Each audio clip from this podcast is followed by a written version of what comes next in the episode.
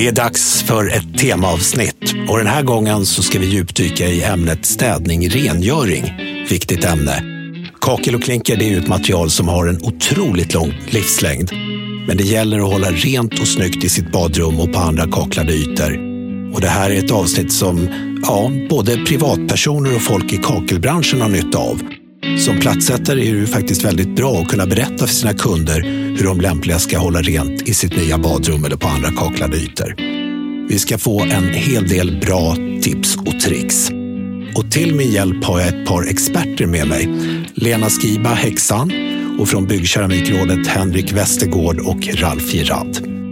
Och jag som lotsar er genom det här temaavsnittet, jag heter Marcus Trautman.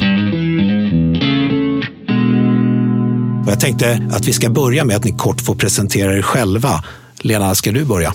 Eh, Lena Skiba jobbar på Häxan och är delägare i bolaget också. Och alla de allra flesta känner väl till Häxan. Eh, metallputs och silverputs som var de två första produkterna sedan 1913. Eh, så det är ett gammalt varumärke, nostalgiskt. Man kanske har sett Häxan på hyllan hos sin mamma eller mormor. Och nu så har vi gjort en total rebranding av varumärket då där vi nu erbjuder rengöring för hela hemmet och för vardagsrengöring egentligen. Häxan lever vidare. Häxan lever vidare. Vi flyger uppåt. Ja, härligt. Henrik Westergård på Byggkeramikrådet. Jag har ju varit med här i podden någon gång förut. Sådär. Jag eh, jobbar ju med teknik och teknikfrågor på Byggkeramikrådet. Eh, vi håller på med våra riktlinjer, branschregler och allt sånt där. Ja, Ralf Girard heter jag. Eh, jag har väl varit med någon gång kanske i podden. Men eh, jag är vd på Byggkemikrådet. Och ja, eh, jag behöver inte säga så mycket mer så tror jag. Ralf, varför är det så viktigt ämne det här med städning och rengöring? Nej, men, eh, man kan säga så här, eh, om vi tittar på frågorna som, som kommer in till Byggkemikrådet så är det väldigt mycket som handlar om städning och rengöring. Och då kan det vara allt ifrån att det är konsumenter till platssättare. Så att det, det spänner liksom över hela vår målgrupp. För det är ett, ett konstant frågande på hur rengör jag det? Hur kan man få bort det? Och lite så. Och nu bara för ungefär en månad sedan så, så tog vi fram och släppte en liten skrift eh, som handlar om städning och underhåll av keramiskt material. Mm. Vem vänder sig den här skriften till då? Ja, den vänder sig egentligen främst till konsumenten, men det är även hantverket som tar emot den. Så att idag eh, så bifogas den automatiskt när man skriver ut ett sånt här kvalitetsdokument. Så då får kunden det per automatik. Mm. Men ofta, ofta så kan det vara så att när, när första städningen sker av till exempel ett badrum, då har ju platsättaren ofta redan lämnat. Utan då står man ju där kanske som ja, lite, jag ska inte säga villråd eller handfallen, men man kanske inte vill göra fel det första man gör om man har ett nyrenoverat badrum eller ett nytt köksgolv eller hallgolv eller vad det nu kan vara. Ja, risken är att man plockar fram de där flaskorna som man brukar använda och så kanske det blir helt fel. Det vill vi inte vara med om. Platssättarna, då, vad ställer de för frågor när det gäller städning och rengöring? Ja, men lite som Ralf sa, det finns ju det finns ju liksom olika steg i städningen. Så att platsättarna, de gör ju egentligen eh, redan när de fogar så gör de en typ av städning. Sen så har de ju kanske gjort den rengöringen. Då ska de också göra ett byggstäd innan de egentligen lämnar över projektet till beställaren. Så att eh, de har ju liksom lite andra, annan typ av smuts som de hanterar i första läget. Ja. Och om man tänker just på det här första steget då som plattsättare direkt när man har gjort den här plattsättningen eller lagt golv. Hur är det man går tillväga? Vad gör man för någonting? Mm, alltså så det första egentligen, eh, det är när du har lagt fogen. Då. Och då, det är så att fogen är ju våt egentligen när du lägger den. Och den består ju av kalk och cement och sånt där. Och kalk och cement, den, den kan ju liksom sprida ut sig på keramiken också. Så att du vill egentligen i första steget städa bort Eh, fog som man säger som hamnar på plattorna. Eh, men där gäller det också då att du använder ett medel eller tillräckligt mycket eller tillräckligt lite medel för att inte heller städa bort själva fogen. Så att du, du städar bort när den kanske har torkat ett tag, kanske 40 minuter eller sådär. Och då har den liksom börjat härda lite grann. Eh, men du får liksom inte skrapa för mycket, för har du för starkt medel då, ja, då, då skrapar du ju ur fogen, så då måste du foga om till exempel. Ja, det vill man inte vara med om. Eh, exakt, exakt. Vad händer om man väntar för länge då? Kan det ställa till det då? Alltså om man väntar för länge, då härdar ju fogen då. och då härdar ju också fogresterna på plattan. Eh, så då har du ganska svårt att få bort fogresterna som egentligen hamnar på keramiken. Då. Finns det något knep där om, om det finns fogrester kvar, om man kanske har fuskat eller Ja, då, exakt. Då ska du använda starka sura medel. Då. Men då är problemet att fogen kan ju också börja lösas upp. Då. Så att du får ju vara försiktig där. Så att du, du vill ju få bort där du ska få bort det, men du vill ju inte ta bort själva fogen. Så att, eh, ja, Okej, men finns det något särskilt eh, medel då som, som du kan säga att ah, men det här är bra grejer? Alltså det finns lite olika fogtvättar och så från eh, olika företag. Sen vet jag inte, det vet kanske du bättre på häxan där, men det ska väl vara något eh, surt medel av något slag antar jag. Ja. Vi kallar ju vår för antikalk när man ska bli av med de här envisa kalkfläckarna. Eh, Ju surare desto mer risk också som du säger, så den kan, kan frätas bort till slut. Så den ska man ha koll på. Alltså du kommer ju kanske märka att det finns fogrester för det kommer också samlas smuts där. Men då är det ju ja, kanske någonting. Jag vet det här har hänt mig hemma för vi renoverade för två år sedan. Och jag vågade inte sätta någon medel, så alltså, jag fick ju sitta stå och skrapa så här medan jag duschade. Liksom, då gick det bort. Men det beror väl på hur, hur, eh, hur hårt det sitter. Där vet ni nog bättre faktiskt tror jag. Alltså det jag tror man ska tänka på, det är nog just att om du som privatperson har de här, liksom, att du använder sura medel, ska du liksom mätta fogarna.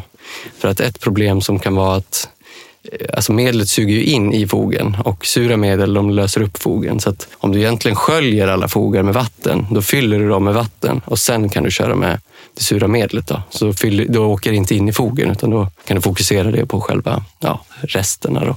Mm. Lena, hur rekommenderar du att man håller rent kakelplattor? Vi får ju många frågor om just eh, ytor i, eh, i eh, badrummet. Så att, eh, vi har ju två produkter. Eh, badrum är den ena och antikalk är den andra. Och sen har vi fönster och glas för just glasytorna i badrummet. Och gör man det varje dag eller i alla fall med jämna mellanrum så behöver man ju inte så himla starka medel för att det hinner inte byggas upp så mycket med tiden. Så att eh, håller man rent eh, med jämna mellanrum så tror jag att man kan klara sig med ganska bra och skonsamma produkter i alla fall. Så en badrumsspray, en antikalk om det behövs, eh, en eh, fönster och glas kan också vara bra att ha då. Jag blev lite svettig när du sa varje dag. det kan ju säga, det händer inte hemma hos oss. är, det, är det så viktigt att göra det så ofta eller?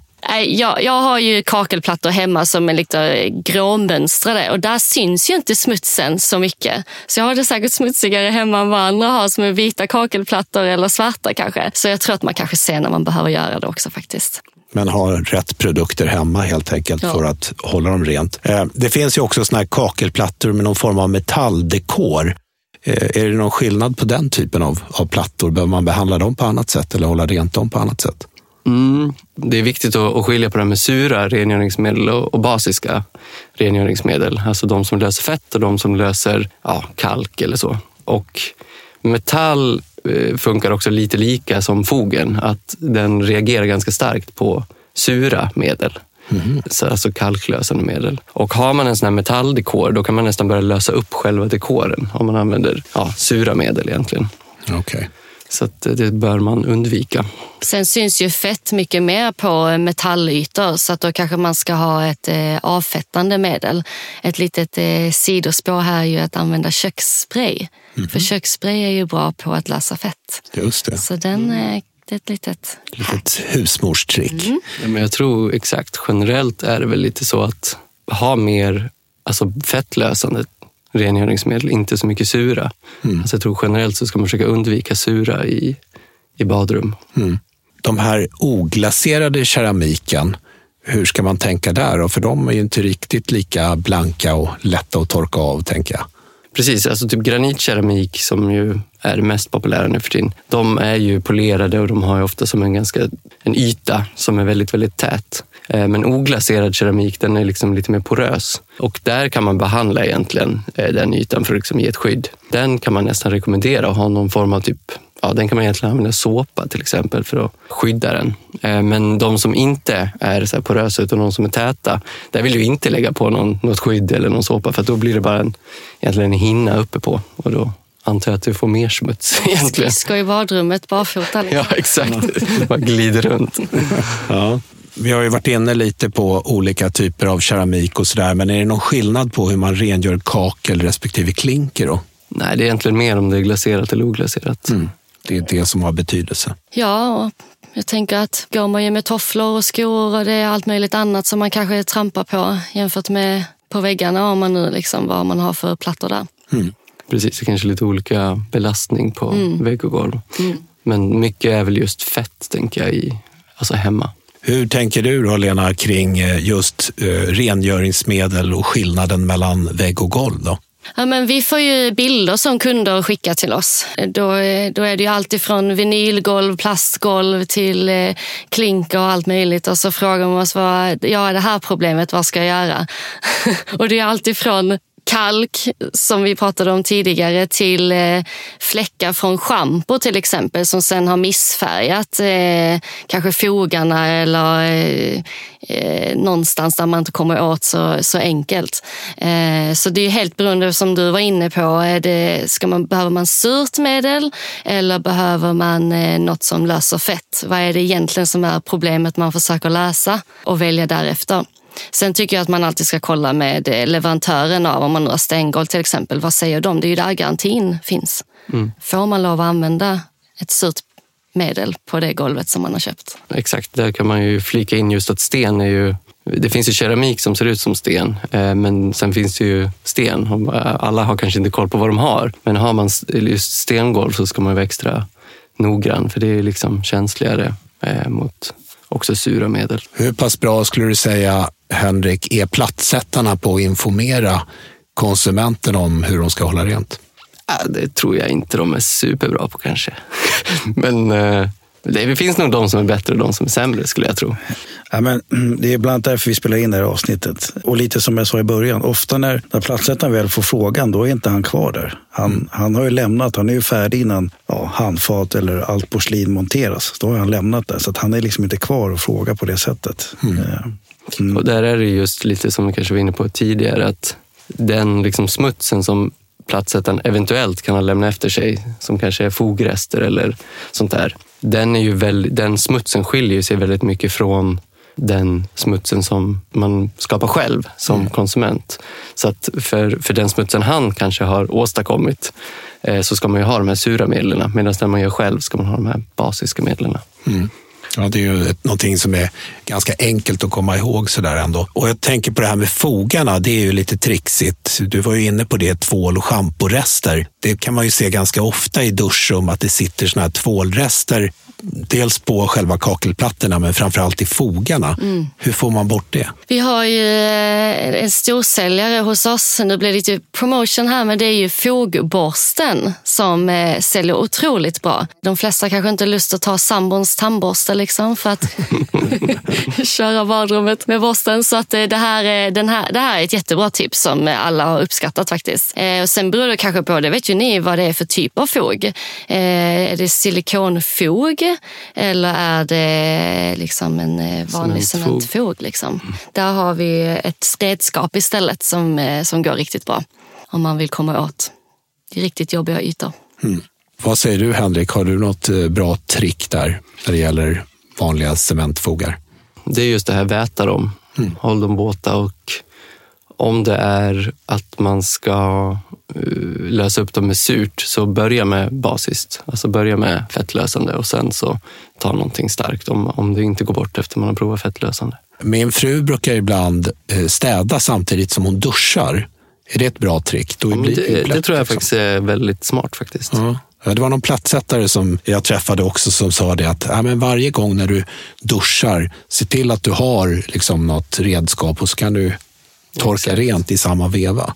Ni hade ju något perfekt Jag får se till att eh, sambon inte tar fler fel flaskor när de ska schamponera sig bara. Exakt. Men det tyckte jag i och för sig som du också var inne på, just det här med att alltså man ska kanske inte ha så starka medel heller. Alltså det är bra att ha ganska utspädda medel. Eh, För att de är ju ganska starka ofta. Eh, Och det behövs oftast inte så starkt. Nej, om man håller rent som man ska. Exakt. Och vad händer om man har för starka medel? Kan det skada själva kaklet eller, eller fogarna? Alltså problemet är att då ligger ju det kvar kanske även efter du har, liksom, du tycker att du har städat färdigt, men då ligger medlen kvar. Och eh, ja, då antar jag att ja, ett fettlösligt, det kanske bara skapar mer smuts. Det hamnar smuts i det och en syra äter upp eh, materialet. I värsta fall får du lägga ny fog, tänker jag, efter något halvår för att den har fräts upp. Liksom. Ja, och med, med silikonfogarna kanske du får sprätta upp det och lägga ny. Liksom. Det kan ju bli lite kostsamt. Mm. Det kan bli lite flammigt också kanske på vissa ställen. Exakt, ja om de börjar gröpas ur och så, så kan det absolut bli det. Vi var ju inne på det här med kalk, att det ställer lite problem i, i kaklade utrymmen. Men kan det där skilja sig lite för vattenhalten består ju av olika mycket kalk var man nu i landet befinner sig? Mm, alltså, jag vet, alltså I Dalarna, där jag kommer från från början, där har vi i princip ingen kalk alls. Eh, så där var det nästan, där har man liksom inte det problemet. Men jag bodde i Danmark ett tag, där var det ju hur mycket som helst. Så att jag antar att det skiljer sig rejält. Vi ser ju var våra antikalkprodukter säljer någonstans. Och det är Öland, Gotland, Skåne och Uppland. Så att, och då kollade jag upp det i efterhand. Vad är, är det något med vattnet? Ja, då är det de områdena med mest kalk eh, okay. i vattnet. Så att, eh, det kan nog bero på var man bor i landet faktiskt, hur mycket problem man har med kalk. Mm. Och effektivaste medlet att, att ta bort kalk då? Ja, jag säger ju ett antikalkmedel såklart. Mm. Vad säger du? Ja, men det tycker jag låter, det låter väl helt rätt. Ja. Det hörs ju på namnet, tänker jag. Vi nämnde det lite flyktigt det här med glas. Glas är ju någonting som man gärna har i badrummet, någon glasdörr eller någon glasbetong och sådär. Hur håller man det rent? Är det vanlig fönsterputs eller finns det några liksom särskilda medel? Jag tänker att många produkter man använder innehåller ju salter i produkterna och det kan ju göra att det ser flammigt ut. Så är det inte kalk man har problem med så kanske man har fått ränder eller annat på grund av det. Och då behöver man ju någonting med sprit i och det är ju det som fönsterputs har. Så har man fönsterputs så är det ju oftast det som, eh, som man kan avsluta med då. Så man börjar med ett antikalkmedel om man har duschdörrar med eh, fläckar från, från kalk och sen avslut, avslutar man med fönster och glas eller en fönsterputs. Då skyddar det och liksom lägger en, en hinna över så att det inte blir lika lätt att fästa. Mm. Mm. Det är vårt lilla trick. Mm, bra trick där. Jag har hört eh, från vissa håll, eh, bland annat en tjejkompis, hon använder klorin på allting gör rent fogar och allt använder de klorin till. Är det okej okay, eller ska man undvika det? Alltså, jag ser inte riktigt poängen kanske med det. Det är väl om man är jätterädd för små bakterier eller jag vet inte. Vi är inte klorin i våra produkter så jag kan faktiskt inte uttala mig om det. Nej, alltså jag ser ingen fördel med det. Nej. Om, om jag vänder lite på frågan då, är det något rengöringsmedel eller städhjälpmedel som man ska undvika att använda när man gör rent just eh, kakel och klinker? Alltså, ja, jag tycker just eh, sura medel. Eh, ättika mm. är väldigt surt och det använder ju många, men det skulle jag undvika. Mm. Okej, okay. ja, för ättika det har man ju hört så här husmorstips. Då. Ättika funkar till allt och ättika och bakpulver och så vidare. Men det ska man undvika. Men eh, ättika på obehandlad sten kan nog gå riktigt illa. Och eh, jag tänker lite med inandningen också att det kanske, man kanske ska vara lite försiktig med, med användning av ättika i vissa utrymmen. Men ättikan kommer inte in i badrummet, är det det ni säger eller? Oftast så är det ju inte ättika som hjälper till den typen av smuts. Men ja, som vi kanske var inne på lite innan, finns det cementhinnor och sådana saker, ja då kan man behöva typ ättika eller liknande, men annars undvik. Mm. Ibland kan man ju se i badrum att det är som lite mögel, så svarta prickar. Jag gissar att det är någon form av mögel. Hur tar man bort det på bästa sätt? För det brukar ju sitta väldigt hårt. Vi har faktiskt inget eh, mögelmedel. För det kan vara eh, väldigt svårt att få bort har vi i alla fall fått höra. Det är ju påväxt, liksom organisk påväxt heter det va? Eh, så att där behöver man väl eh, jobba med helt andra typer av ingredienser. Det kan vara rätt svårt att få bort. Om, man, om det har gått så långt så att det är svarta prickar på det sättet så är det i stort sett så är det bara att skrapa ur om det är cementfog eller skära bort om det är silikon. Okej, okay. och lägga ny Ja, precis. Fog, precis. Liksom, eller ny. Ja. Eh, men det är ofta det är tydliga signaler på att man kanske inte har gjort som din fru Marcus, tvättar varje gång. Ja, varje gång är väl lite att säga kanske. ja, okay. Men oftast det kommer från hudavlagringar, hudrester, Eh, det kan vara tvål och schamporester och sånt också som, som lägger sig som en hinna på då, eh, golvfogen eller väggfogen. Och sen så växer det där då så att det blir den där organiska påväxten. Där. Man kan ju säga att det är ett lite hopplöst fall där. Eller, ja, man kan ju då lägga upp en eh, ny silikon eller, eller ny fog. Men finns det fler hopplösa fall där man inte kan rengöra, där man måste byta kanske kakel eller klinker eller, eller fog? Alltså klinker och liksom keramik, den är, ju, den är ju extremt hård och beständig. Så att det, alltså jag har svårt att se att smuts skulle vara tillräckligt för att man skulle behöva byta ut det. Det går nog alltid att få bort. Så det är nog snarare om du har skador, men inte smuts. Det är kanske mer porösa material då, som kan bli förstörda ordentligt, eller?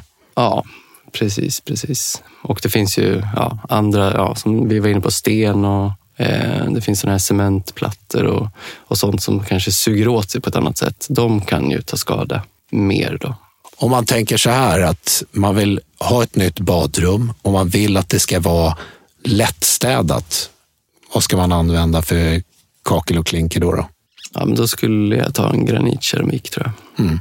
Eh, sen är det väl, det är väl upp till mönster och så också, vad som, precis som vi snackade om innan. Alltså, det syns ju mer eller mindre på olika färger och sånt där. Så det är väl mycket det som, väljer, eller så, som bestämmer egentligen. Mm en kombination av, av det kanske då. Alltså dels mönster men också material.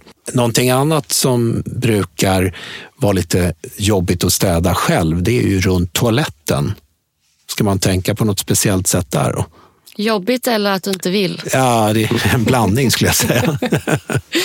ja, men, eh, en, en bra badrumsspray där. Men det jag skulle säga som ett bra tips är att använda en bra mikrofiberduk. Inte en frottéduk eller frottéhandduk. För mikrofiber innehåller porer som tar upp smuts och damm och behåller medlet i istället för att man liksom snurrar runt eh, smutsen runt omkring. Så att jag skulle nästan säga att, att eh, städredskapet där skulle kunna vara något att fundera på vad man använder. Sen kanske man kan fundera på att inte använda samma trasa sen när du ska rengöra resten av badrummet på kranen och så vidare utan att man kanske är klar där efter den. Mm. Hur är det i toaletten då? Nu om man gör ett nytt badrum eller en ny toalett så, så sätter man ju oftast in en ny toalettstol. Men när en toalettstol har stått ett tag då brukar den ju liksom få en beläggning ner till så att säga. Hur kan man undvika det då? Ja, och, och vi får oftast bilder på folk som till och med har rost. Eh, ja, antikalken där gör ju det jobbet och sen har du ättika också. Så att man, man lägger ättika, först lite kökspapper runt om och sen sprutar du med ättika så får det ligga där. Sen så kommer det lösa upp sig. Så det, det finns några sådana husmorstips också om man inte vill köpa färdiga medel. Det är ju riktigt bra. Och när vi är ändå inne på liksom, avloppet så brukar det ju hända titt som tätt att man får lite dålig rinning i handfat eller i badkar eller i duschbrunnen. Om man gör rent det som går att göra rent, så att säga, finns det eh, något annat man kan använda? När jag var yngre så använde jag alltid propplösare. Mm. Men det är ju ganska starka grejer jag har förstått. Är det okej? Okay? Och propplösare får man inte använda i toaletten för det måste vara torrt när man använder propplösare. Och sen så eh, är det ju farligt att liksom eh, eh, hälla ner det i vatten. Det kan ju stänka och det är frätande och sådär. Så det ska man ju använda i utrymmen som till exempel köket där det är mycket fett som fastnar i rören eller i, i badrumsvasken till exempel, alltså handfatet. Så länge det är torrt först och sen så eh, häller man varmt vatten växelvis, liksom, då kommer det lösa upp sig. Så det är otroligt effektivt. Men eh, precis, man ska vara försiktig. Men det är okej okay för rören och sådär? Ja, förutom om man har metallrör för att det är ju, kan ju ske korrosion och fräta. Så att man ska kolla vilka rör man har först också. Badkar är ju väldigt härligt att slinka in i eh, en särskilt kanske kall vinterkväll. Men att hålla rent ett badkar är ju kanske inte alltid så enkelt. Vad ska man tänka på där? Gissningsvis mycket tvålavlagringar så att det, det är ju fettlösligt medel där. Sen tänker jag, eh, ibland kan man ju se sådana här gula streck som har kommit från, om det är riktigt gammalt, eh, då, är det ju, då får man ju gå på eh, kalkmedel istället som oftast hjälper mot både rost och kalk. Så man kanske ska kolla hur det ser ut. Är det fett och tvålavlagringar eller är det något annat som har varit där längre? Mm. En annan sak som brukar dyka upp, vare sig man vill eller inte, det är ju silverfiskar.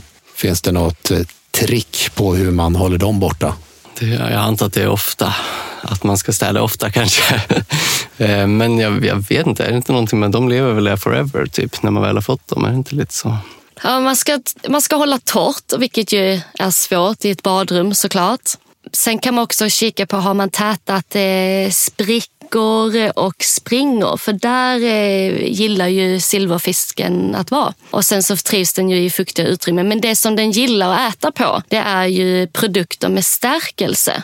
Och stärkelse finns ju i papper och eh, i tyger så man ska inte låta böcker eller kläder vara kvar på golvet för det är då de kommer. Mm. Så håll torrt och rent och ha inga kläder eller böcker eller papper på golvet. Ja, ja, det hade jag och täta sprickor också. Mm. Då har man nog lite att jobba på där.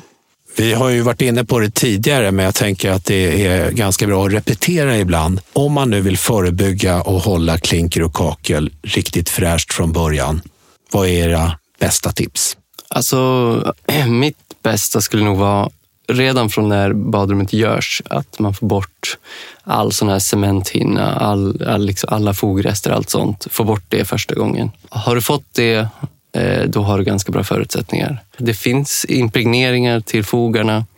Eh, beroende på vilken keramik du har kan du impregnera den, men annars låt bli att impregnera om det inte är rätt typ av keramik. Annars är det väl bara städa ganska ofta. Mm. Skulle jag säga. Städa med jämna mellanrum så att du slipper starka medel. Ja, precis. Och använd utspädda medel hellre ofta än jättestarka en gång om året kanske. Mm. Och sen så just tycker jag man ska ändå trycka på det att när man har haft medel så se till att tvätta bort medlet. Låt inte gammalt städmedel ligga kvar. Mm.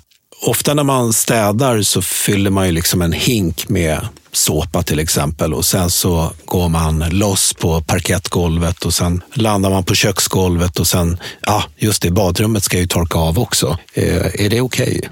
Ja, alltså trägolv är ju såpavänligt. Frågan är om du behöver köra den på inne i badrummet. Som vi pratade om tidigare så eh, är det ju kanske något annat typ av medel som du egentligen behöver för att lösa upp fett eller något annat starkare åt det sura hållet. Eh, så jag skulle säga separera golv i övriga lägenheter mot golv i våtutrymmen. Såpa, det kan snarare lägga sig som en hinna på keramiken. Den, alltså, om du har en keramik som suger, då kan du då kan du ha såpa, för då blir det som ett skydd. Men om, om keramiken är tät, då, då blir det bara som en sörja som åker runt där. Det finns ju vissa som är väldigt eh, förtjusta i svinto eh, och skrubbar lite här och där. Eh, är svinto ett alternativ att göra rent foga med till exempel? Det känns ju snarare som att du bara gröper ur fogen om du använder svinto. Eh, använd något fettlösligt medel istället och var lite försiktig tror jag. Svinto får inte komma in i badrummet? Nej, jag skulle säga nej på den tror jag. Ja, vi gillar ju fogborsten hos oss så att eh, vi kör inga metall trådar någonstans. Eh, högtryckstvätt då, kan man rulla in en sån i duschrummet och blåsa rent? Alltså om du har plats nog så, eh, så borde du egentligen inte göra någon större skada om badrummet är rätt gjort. Eh, sen får du ju extremt mycket vatten så att det kommer ju ta ett tag att torka ut allt det där kanske. Och som vi sa innan, det, då får du massa silverfiskar istället. Eh, när det gäller olika silikon och fogprodukter, har de ändrats någonting eller är det samma vi använder som, som vi alltid har gjort? Eller använder vi det på samma sätt? Eller? Ja, alltså, idag så har du egentligen vi har ju kanske minskat lite mängden mjukfog och silikon och så. Sen är det där olika vad man tycker om och så. Och sen har ju plattorna generellt blivit mycket större. Eh, man vill också alltså med den nya tekniken med att man egentligen laserskär plattorna så, så kan du ha mycket, mycket mindre fogar. Så att liksom fog, den totala fogmängden har ju minskats ner. Det där kan ju gå i trender också. Det var ju trendigt med sådana här lite mer naturstensaktiga plattor förut. Då ville man ju naturligt ha lite större fog. Just nu är det ju snarare tight man vill ha. Eh, så då, då, då är det inte lika mycket fog.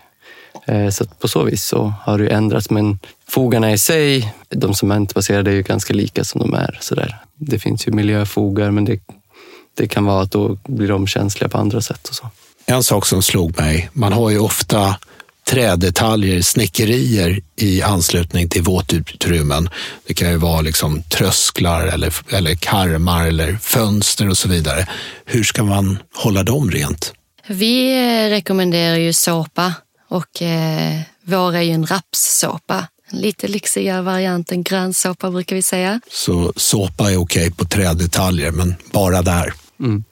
Du har ju varit inne lite grann, eller ni båda två, kring det här med pH-värden. Eh, och nu måste jag ju eh, blotta min okunskap här. Jag är ju inte så bevandrad i olika pH-värden. Kan vi inte reda ut det här lite? Vad, vad är ett normalt pH-värde? I mitten neutralt, det är runt sju. Eh, och sen så om du går neråt på pH-skalan, alltså ner mot noll, då har du egentligen ett surt pH-värde. Och går du uppåt så har du ett alkaliskt och då är det upp mot 14. Så att sju kan man säga är mitten. Mm, Okej, och hur ska man tänka här med olika rengöringsmedel då? Alltså man ska tänka att samma löser samma. Eh, Så att vill du lösa någonting surt så ska du använda något surt. Nu kanske du inte ska lösa något surt, men till exempel kalk då, eller cement, sånt, det löses av sura medel. Fett och sånt, det löses med alkaliskt. Okej. Och det här gissar jag står på, på rengöringsmedlet så att man kan hålla lite koll på det också. Då. Och gör det inte det så kan man fråga företaget istället och be om en, ett säkerhetsdatablad om man vill ha detaljerna i, eh, i skrift. Ja, men lite som du sa, att kalkmedel, det är ju troligtvis då surt antar jag. Ja, Mm. Ofta kanske eh, liksom, själva produkten talar för vad man ska använda det till också. så i köket så har man ju oftast fettlösliga medel. Då är det ju högre pH-värde och i ugnen vill man också gärna ha fett och oljelösligt. Eh, och sen går det åt andra hållet när du vill lösa rost eller kalk till exempel. Ja, vad bra. Nu fick jag lite kunskap i detta. Jag tänker, är det någonting som ni tycker är viktigt att lyfta fram här innan vi rundar av? Alltså jag tycker just de här, kanske mer riktat till platsättarna då. Nu har vi ju pratat mycket städning liksom när det är färdigt. Eh, men just att när, när platsättarna är ute på jobben, att de ska vara ganska noggranna med alltså både fogrengöringen, se till att de får bort eh, rester på plattorna och att innan de lämnar över projekten att de faktiskt dubbelkollar, finns det kvar någon cementhinna, finns det kvar fogrester? Se till att ställa bort det så att det liksom blir schysst till den som de lämnar över projektet till eh, så att den kan fokusera på att ta bort sin egen smuts. Då. Ja. Ja, för mig blir det ju rengöring gör man ju oftast med händerna. Så har man inga handskar på sig så kan man eh, hålla lite extra koll på innehållet. Häxans medel är ju oparfumerade och har inga färgämnen och det är biologiskt nedbrytbart och det är miljövänligt och svanenmärkt. Så att där checkar vi av många boxar. Så att, eh, håll koll på innehållet och har man frätande innehåll så kan det vara bra att skydda sina händer så att man inte får några allergiska reaktioner. Läsa på baksidan av etiketten. Läsa på baksidan också. Vad bra. Raffe, slutligen, vad skulle du säga om man nu eh, kanske lyssnar på det här avsnittet och inser att oj, jag är inte så duktig på att göra rent i mitt badrum. Vad ska man börja med för att komma igång? Liksom? Ja, men jag tror så här, eller ett bra tips kan vara så här. Om, om nu badrummet eller ditt hallgolv eller nu må vara, är precis nygjort så ska man känna till en sak och det är det här att eh, allt cementbaserat material det når liksom sin fulla härdning, det vill säga det släpper inget mer cement, inga färgämnen, ingenting efter ungefär en månad. Så om du börjar städa ditt golv eller ditt badrum med allt för starka rengöringsmedel inom den här månaden, om vi säger så, då är risken stor att du kommer förstöra fogen ganska bra. Så vänta ut den där så länge det går. Och sen så skulle jag säga att då är det nog bättre att städa lite och ofta än sällan och hårt. Och med hårt menar du med för mycket rengöringsmedel? Starka rengöringsmedel och kanske även ja, städverktygen överlag. Då. Alltså det finns ju många som städar kanske med rotborste fast det egentligen inte behövs. Bra slutord där. Tycker jag vi packar ihop och så beger vi oss hem och städar våra badrum helt enkelt. Tack så mycket för din medverkan. Tack så mycket. Tack, tack.